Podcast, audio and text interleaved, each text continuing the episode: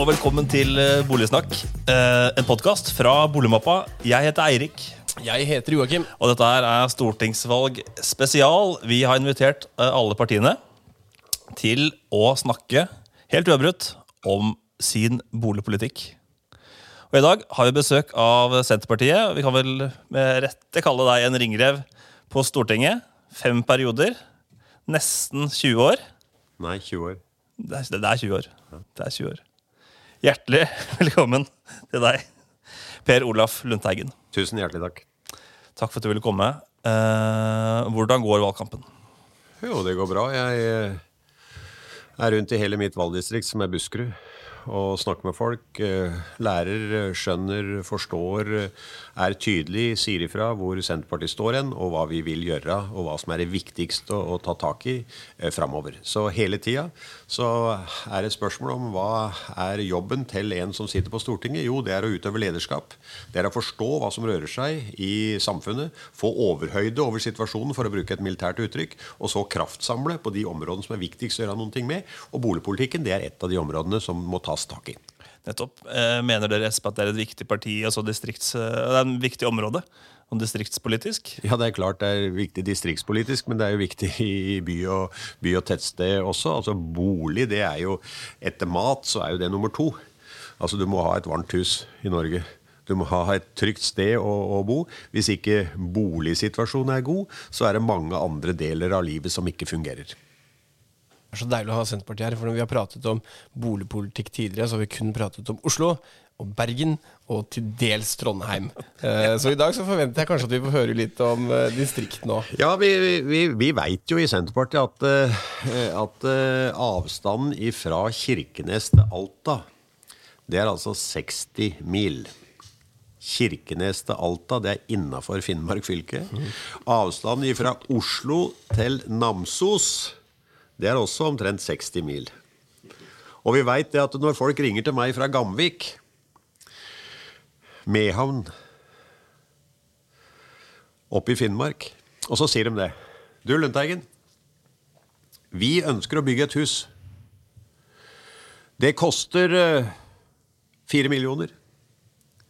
Markedsverdien av det huset er kanskje 1,5-2 millioner. Og så har Finansdepartementet bestemt at eh, jeg kan få låne maks 85% av markedsverdien. Det betyr, hvis det, er, hvis det er, for å gjøre det enkelt, da, hvis det er verdt to millioner når du selger i et marked, så får du altså 85% av det, og det blir vel 1,7 millioner, blir ikke det? Og differansen fra 1,7 millioner til hva det faktisk koster å bygge det, som vi var enige om er rundt 4, det blir altså da 2,3 millioner. Så egenandelen for å finansiere en bolig i, i, på Finnmarkskysten er fort 2,3 millioner. Det er mye større egenandel enn det som det er her i, her i Oslo, øh, sjølsagt. Og så i tillegg så er det sånn at den verdien av den boligen på Finnmarkskysten den går heller ned, mens her går den opp. Og de som bygger på de stedene og ønsker å bo og virke og drive der, de sitter altså stuck. De sitter støkk. Derfor så må vi jo endre boligpolitikken. Vi må jo ha en offentlig medfinansiering, sånn at eh, staten gjennom Husbanken korrigerer markedskreftene.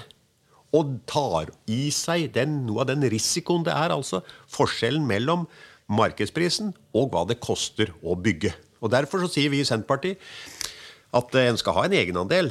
En skal ha en egenkapital når man bygger, samme pokker hvor det er en i, i landet. Men hvis bankene, da, private banker er med på 1,7, da, så får Husbanken være med på det som er over der, inntil 85% av 4 millioner. Nettopp. Så det er Husbanken som skal løse de boligpolitiske problemene? Det er en del av virkemidlet. Altså Det som er årsaken til at vi har veldig mange sjøleiende mennesker i Norge som eier sin egen bolig, det er jo resultatet av bevisst politikk. Det er to hovedvirkemidler som har vært brukt. Det er at vi har hatt fullt fradrag for gjeldsrenter for privatpersoner. Ingen andre land som jeg veit har fullt gjeldsrentefradrag i skatten. Det betyr altså at eh, fellesskapet betaler en del av eh, renteregninga ved at du får redusert skatt. Og så det andre virkemidlet var jo at vi hadde Husbanken, sånn at det vanlige arbeidsfolk, flinke arbeidsfolk, la oss si de jobba på Saga i Numedal og tjener 210 kroner timen, de skal kunne få en husbankfinansiering hvis at de bygger et nøkternt hus. Nå er Husbanken skvisa fra det markedet der sånn pga. en avtale, og den, heter, den er på tre bokstaver, og den heter EØS. Jeg EØS, European Economic Hva er det for noe? Samarbeidsområde? Jeg kan ikke det på engelsk. Men poenget er at eh, vi må få tilbake en boligpolitikk hvor Husbanken skal ha en rolle. Ikke bare for de som virkelig er eh, sosialt utslitt eller, eller virkelig sliter med helse og andre ting, men vanlige, flinke ungdommer. Hvor langt unna er vi den situasjonen i dag, da? Nei, Vi er kjempelangt unna den situasjonen. I, i mitt område, i, i Buskerud, så vi nå, hadde vi nå befaring med, med Per Jæger og Boligprodusentenes Landsforening i, i Skurdalen. Han er en fantastisk flott kar og, og, og stiller opp. Jeg har samarbeidet med han over, over veldig mange år. Det er Veldig realt eh, samarbeid. Og så hadde vi Husbanken der oppe. Der er det da et bygdetiltak. De, det er et, ei bygd hvor alt sammen står og vipper om det, om det, om det skal uh, være et levende samfunn eller ikke. Og så har de gått sammen og sagt at her skal vi lage et boligfelt. Og så, for å finansiere det boligfeltet, da, så kommer du med de problemene som vi nå har beskrevet. Og der var vi inne på det. Og, og, og, så sier Husbanken at jo da, vi har regler som kan dekke opp det der sånn. Vi har bare problemer med at det er for lite kjent.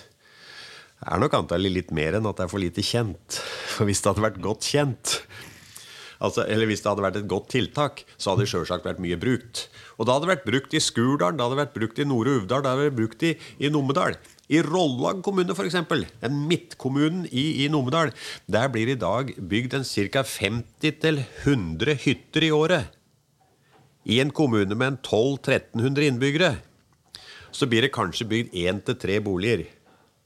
Vi i Senterpartiet vi ønsker jo også tone ned hyttebygginga, få opp boligbygginga, få opp samfunnsutviklinga, få flere ungdommer til å, til å bosette seg i den flotte Numedalen, ta med seg da kontorarbeidsplassen over det. Men da må en jo ha en bolig, da må en ha en moderne bolig. Og da må en jo, når en investerer i en bolig, så må en jo ikke være redd for at en da skal tape penger hvis en seinere kommer til, av ulike familiære eller andre forhold, til at en må bo på et annet sted. Er dere også opptatt av problemene måte, i byene, hvor unge mennesker ikke klarer å komme seg inn på markedet? Hva tenker dere, dere om det, eller er det bare distriktene som Nei, det Sjølsagt må vi jo se dette som en helhet, og, og situasjonen i byene er jo helt fryktelig med de prisene som er nå. Jeg, jeg kan ikke eh, huse i min tid i politikken ifra, ifra jeg eh, var ferdig på, på Landbrukshøgskolen i, i eh, 1977, at det har vært vanskeligere å komme inn på boligmarkedet i byene. Og det er jammen ikke noen enkel sak også løse. Det henger sjølsagt sammen med med, med sentraliseringa, som gjør at det blir stor etterspørsel etter boliger. Det henger sammen med universitetene her i, her i Oslo, som har en enormt mange studenter, som krever veldig stor boligmasse. Det, det henger sammen med at, at en har en veldig låg rente i dag, noe som gjør at det er veldig er, er, er veldig prisstigning på, på boliger. Når du har lav rente, så var det høy prisstigning på, på boliger. Eh, Det henger sammen med at eh, kommunen er jo nærmest fraværende i å skaffe fram tomter eh, til, til boligbygginga. Kommunen er hele tida på etterskudd med, med det. Men konkret da til til ungdoms. Det beste vi da kan gjøre, er jo og også det er å bruke Husbanken i, i forhold til eie til leie.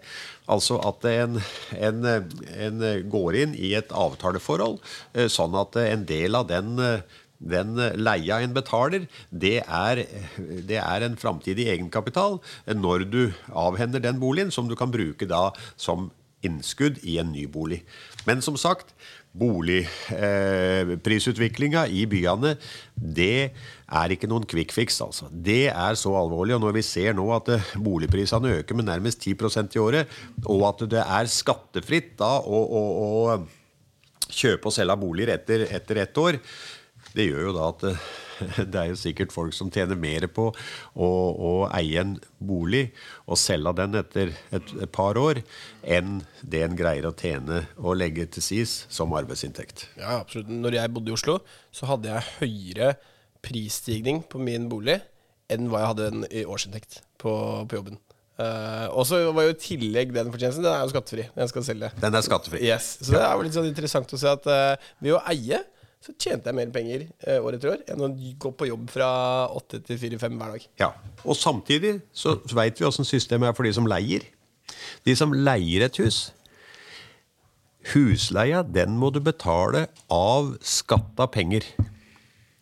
Og jeg, jeg satt som, som Eh, sentralt i, i finanskomiteen i 1996, hvor vi diskuterte takseringssystemet av, eh, av boliger. Og eh, da kom vi jo inn på forholdet da mellom det å eie kontra det å leie. Og det er jo ikke noe tvil om at i Norge så har jo samfunnet, fellesskapet, satt inn subsidiene, for å si det sånn, på dem som eier, ikke dem som leier. Og hvis vi ser på det sånn fordelingsmessig, så er jo de som leier, jevnt over i en vanskeligere økonomisk situasjon enn de som eier. De rike blir rikere? De rike blir rikere. Men nå er det altså sånn at det, det er en dramatisk reduksjon i antallet som eier. Det blir færre som eier, og flere som leier. Det er konsekvensen selvsagt, av det at det er så vanskelig å komme inn på boligmarkedet fordi at du må ha så stor egenkapital. Nettopp. Det er jo, det er uh, umtvistelig svært lønnsomt å eie uh, kontra det å leie. Blir det mindre lønnsomt å, å eie hvis Senterpartiet kommer i regjering uh, om ikke så lenge? Det er jo et spørsmål da om boligbeskatningen. Og boligbeskatningen den er jo i dag knytta til to skatteformer. Den er knytta til formuesskatten og den er knytta til eiendomsskatten. Senterpartiet er ingen tilhenger av, av eiendomsskatt på, på, bolig. Vi har i flere tilfeller måttet være med på det fordi at kommuneøkonomien har vært så, så, dårlig. Og da står vi igjen med i dag med åssen vi skal taksere en bolig i forhold til formuesskatten. Og eh, Senterpartiet har da eh, sett på boligen som ikke som et investeringsobjekt, men som et sted hvor du bor. Så vi er altså forsiktige med å sette høye formuesverdsettinger av den boligen du bor i. Derimot så har vi eh, vært med på og er enig i at vi øker eh, eh, verdsettinga av en bolig som du leier bort til andre, som du altså får leieinntekter ifra. For vi prøver å holde bevisst på at den, det som skal være den offentlige stimulansen, det skal altså være eh, kobla til din egen bolig. Og det skal være trygghet om egen bolig.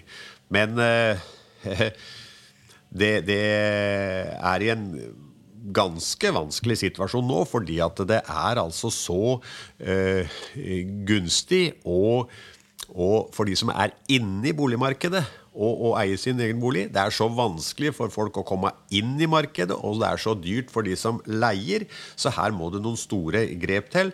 Og da må vi nok antagelig endre systemet mer enn det partiene har turt å presentere i sine valgprogrammer. Ikke sant? Vi hadde Fremskrittspartiet her. De ville jo fjerne hele egenkapitalskravet. Uh, ja, det er jo ikke, er ikke, forsvarlig. Det er jo helt uforsvarlig å si det at en ung familie skal kunne kjøpe en dyr bolig i Oslo uten egenkapital. Hva skjer den dagen da, når markedet snur? Da får vi situasjonen som i USA. Folk greier ikke å betale for seg. Og så blir det en krise både for den som sitter i huset, og for den banken som har gitt da det lånet uten egenkapital.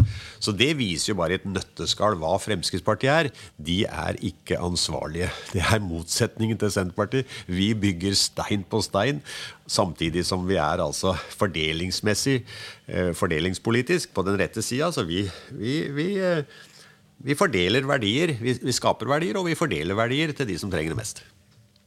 Shots fired! Ja, det var bra. Det var første gang vi fikk noe ordentlig slagkraft mot noen av de andre partiene.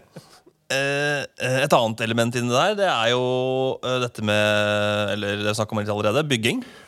Eh, og, og et problem som du har vært innom, er at det er jo dyrere å bygge en bolig mange steder enn markedsverdien eh, du sitter igjen med. Ehm, og det er også i dag mange krav til bygging. Vi har en eh, TEK, TEK 17. eh, universell utforming er det noe som heter. Hva tenker dere i Senterpartiet om det? Burde det være enklere å bygge sjøl, eller bygge enklere? Jeg var statssekretær i Kommunaldepartementet i, under Bondevik I-regjeringa fra 1999 til 2000 og hadde ansvaret for boligbyggingsavdelingen i Kommunaldepartementet. Og da kom jeg tett inn på det her. Og det er eh, nesten ikke grenser for hvilke krav som det kan bli foreslått at det skal bli, eh, bli stilt. Og det er ikke grenser for uh, hvor små eh, byggesaker som blir krevd at det skal være inn i offentlig forvaltning, og hvor du skal altså få en tillatelse på. Vi i Senterpartiet vi er tufta på praktiske folk, og, og vi prøver å holde flagget høyt oppe, og vi regulerer det viktigste. Og det mindre viktige det overlater vi til det sunne, sunne fornuften hos folk.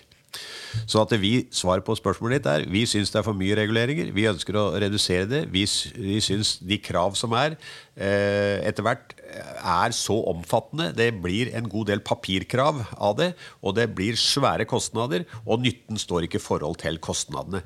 Altså, Det var vel en som sa 'kjekt å ha', var ikke det? En som sang 'kjekt å ha'.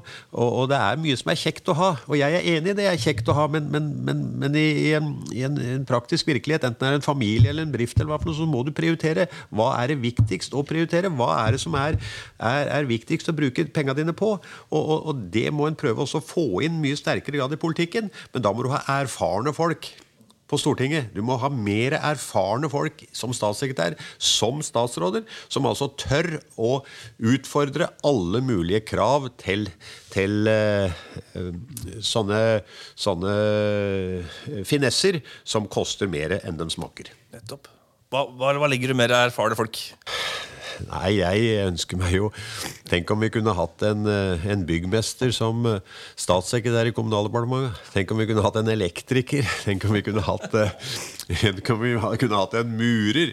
Altså, Jeg veit ikke hvor lenge siden det har vært en murer inn i, inn, inn, inn, i et departement. Raymond Johansen han er gammel rørlegger. vet du. Han er gammel rørlegger, ja. Så, så, han har jo noe av det, noe av det her. sånn. Altså, Det er folk som som leser litt og lytter mye og har mye erfaring og sier at dette er viktig, det gjør vi. Dette er mindre viktig, dette prioriterer vi ikke. Du har jo vært en halv mannsalder på Stortinget. Hvordan har det forandra seg? Altså, er det Er folk yngre? Har de jobba tidligere? Hvordan er dette? Folk har vel blitt yngre. Men det viktigste det er at det er mye mindre yrkeserfaring. Mye mindre erfaring utafor politikken, og det er et kjempeproblem. Det er et kjempeproblem. Hvorfor er det et kjempeproblem? Jo, for at de kan mindre fag. Og når en nesten bare drevet med politikk, så skjer det noen ting. Og det er at du Du har ikke noe å gå tilbake til annet enn politikken. Dermed så blir du veldig lydig overfor ledelsen. Du tenker på din egen karriere. Hva må jeg nå gjøre for å vokse videre i dette systemet, for jeg har jo ikke noe annet å gå tilbake på. Så det er livsfarlig utvikling. Det er en livsfarlig utvikling at det blir stadig flere som bare har politikk som sitt arbeidsområde. For de kan for lite om samfunnet, og de er så lett å drille rundt fingeren fordi at det er politikk som de driver med. De, de, de, de kjenner ikke noe annet yrke. Hvis du skal ha en som virkelig tør, eller en, ei kjerring som mann eller kjerring Kjerring er for meg altså et hedersnavn, som dere forstår. Hvis du skal ha, ha en, et kvinnemenneske som, som skal tørre å stå på og si at sånn gjør vi det, da må du velge en, ei dame som har noe å gå tilbake til, har et, en, en, god yrkeserfaring. Sånn at hvis det blir avsatt, ja vel, ja vel, greit, for jeg har noe å gå tilbake til.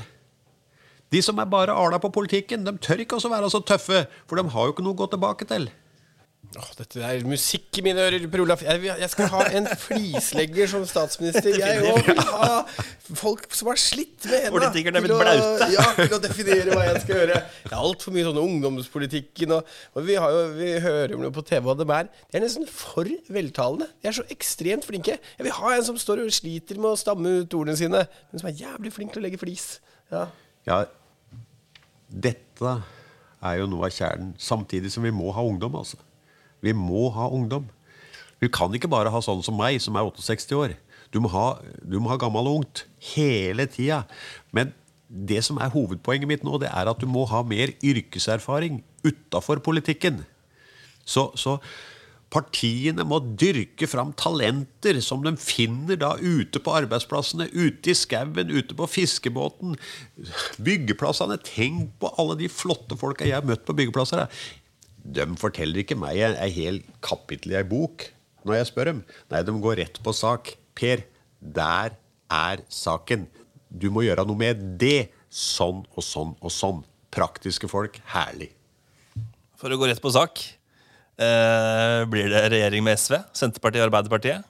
Hvis det skal bli flertallsregjering, så ser det ut som at eh, da er den eneste muligheten som Senterpartiet har, å gå i regjering med SV. Så blir valget da er vi best tjent med en flertallsregjering, eller er vi best tjent med en mindretallsregjering? Og det er noe som partiet har sagt at det skal vi diskutere etter valget. For eh, nå beveger, bølger det så fælt i er så mange som er usikre, så hvor det ender nå, veit ikke jeg. Jeg kjører en valgkamp som er basert på at en skal vite hvor Senterpartiet står hen. Vi skal være faste i klypa, vi skal være klare på hva vi vil framover. Vi skal gjennom det skape eh, tillit. Eh, For tillit det bygger på troverdighet, og derfor skal alt vi gjør, skal være troverdig og skikkelig. Men vi må tørre å si det litt, eh, litt tydelig og romslig, sånn som jeg gjør nå. For du var jo en stemme i Senterpartiet som satte døra på gløtt. ja, ja, ja, ja. Jeg sa jo sjølsagt det som er programmet, nemlig at vi går til valg på en Senterparti-Arbeiderparti-basert regjering. Hvis ikke det blir flertall, ja vel, da er det ett parti som er aktuelt å ta med. Bare ett parti, og det er SV. Men det kan jo hende at eh, For alt vi veit, så er det jo ikke sikkert at det gir flertall engang.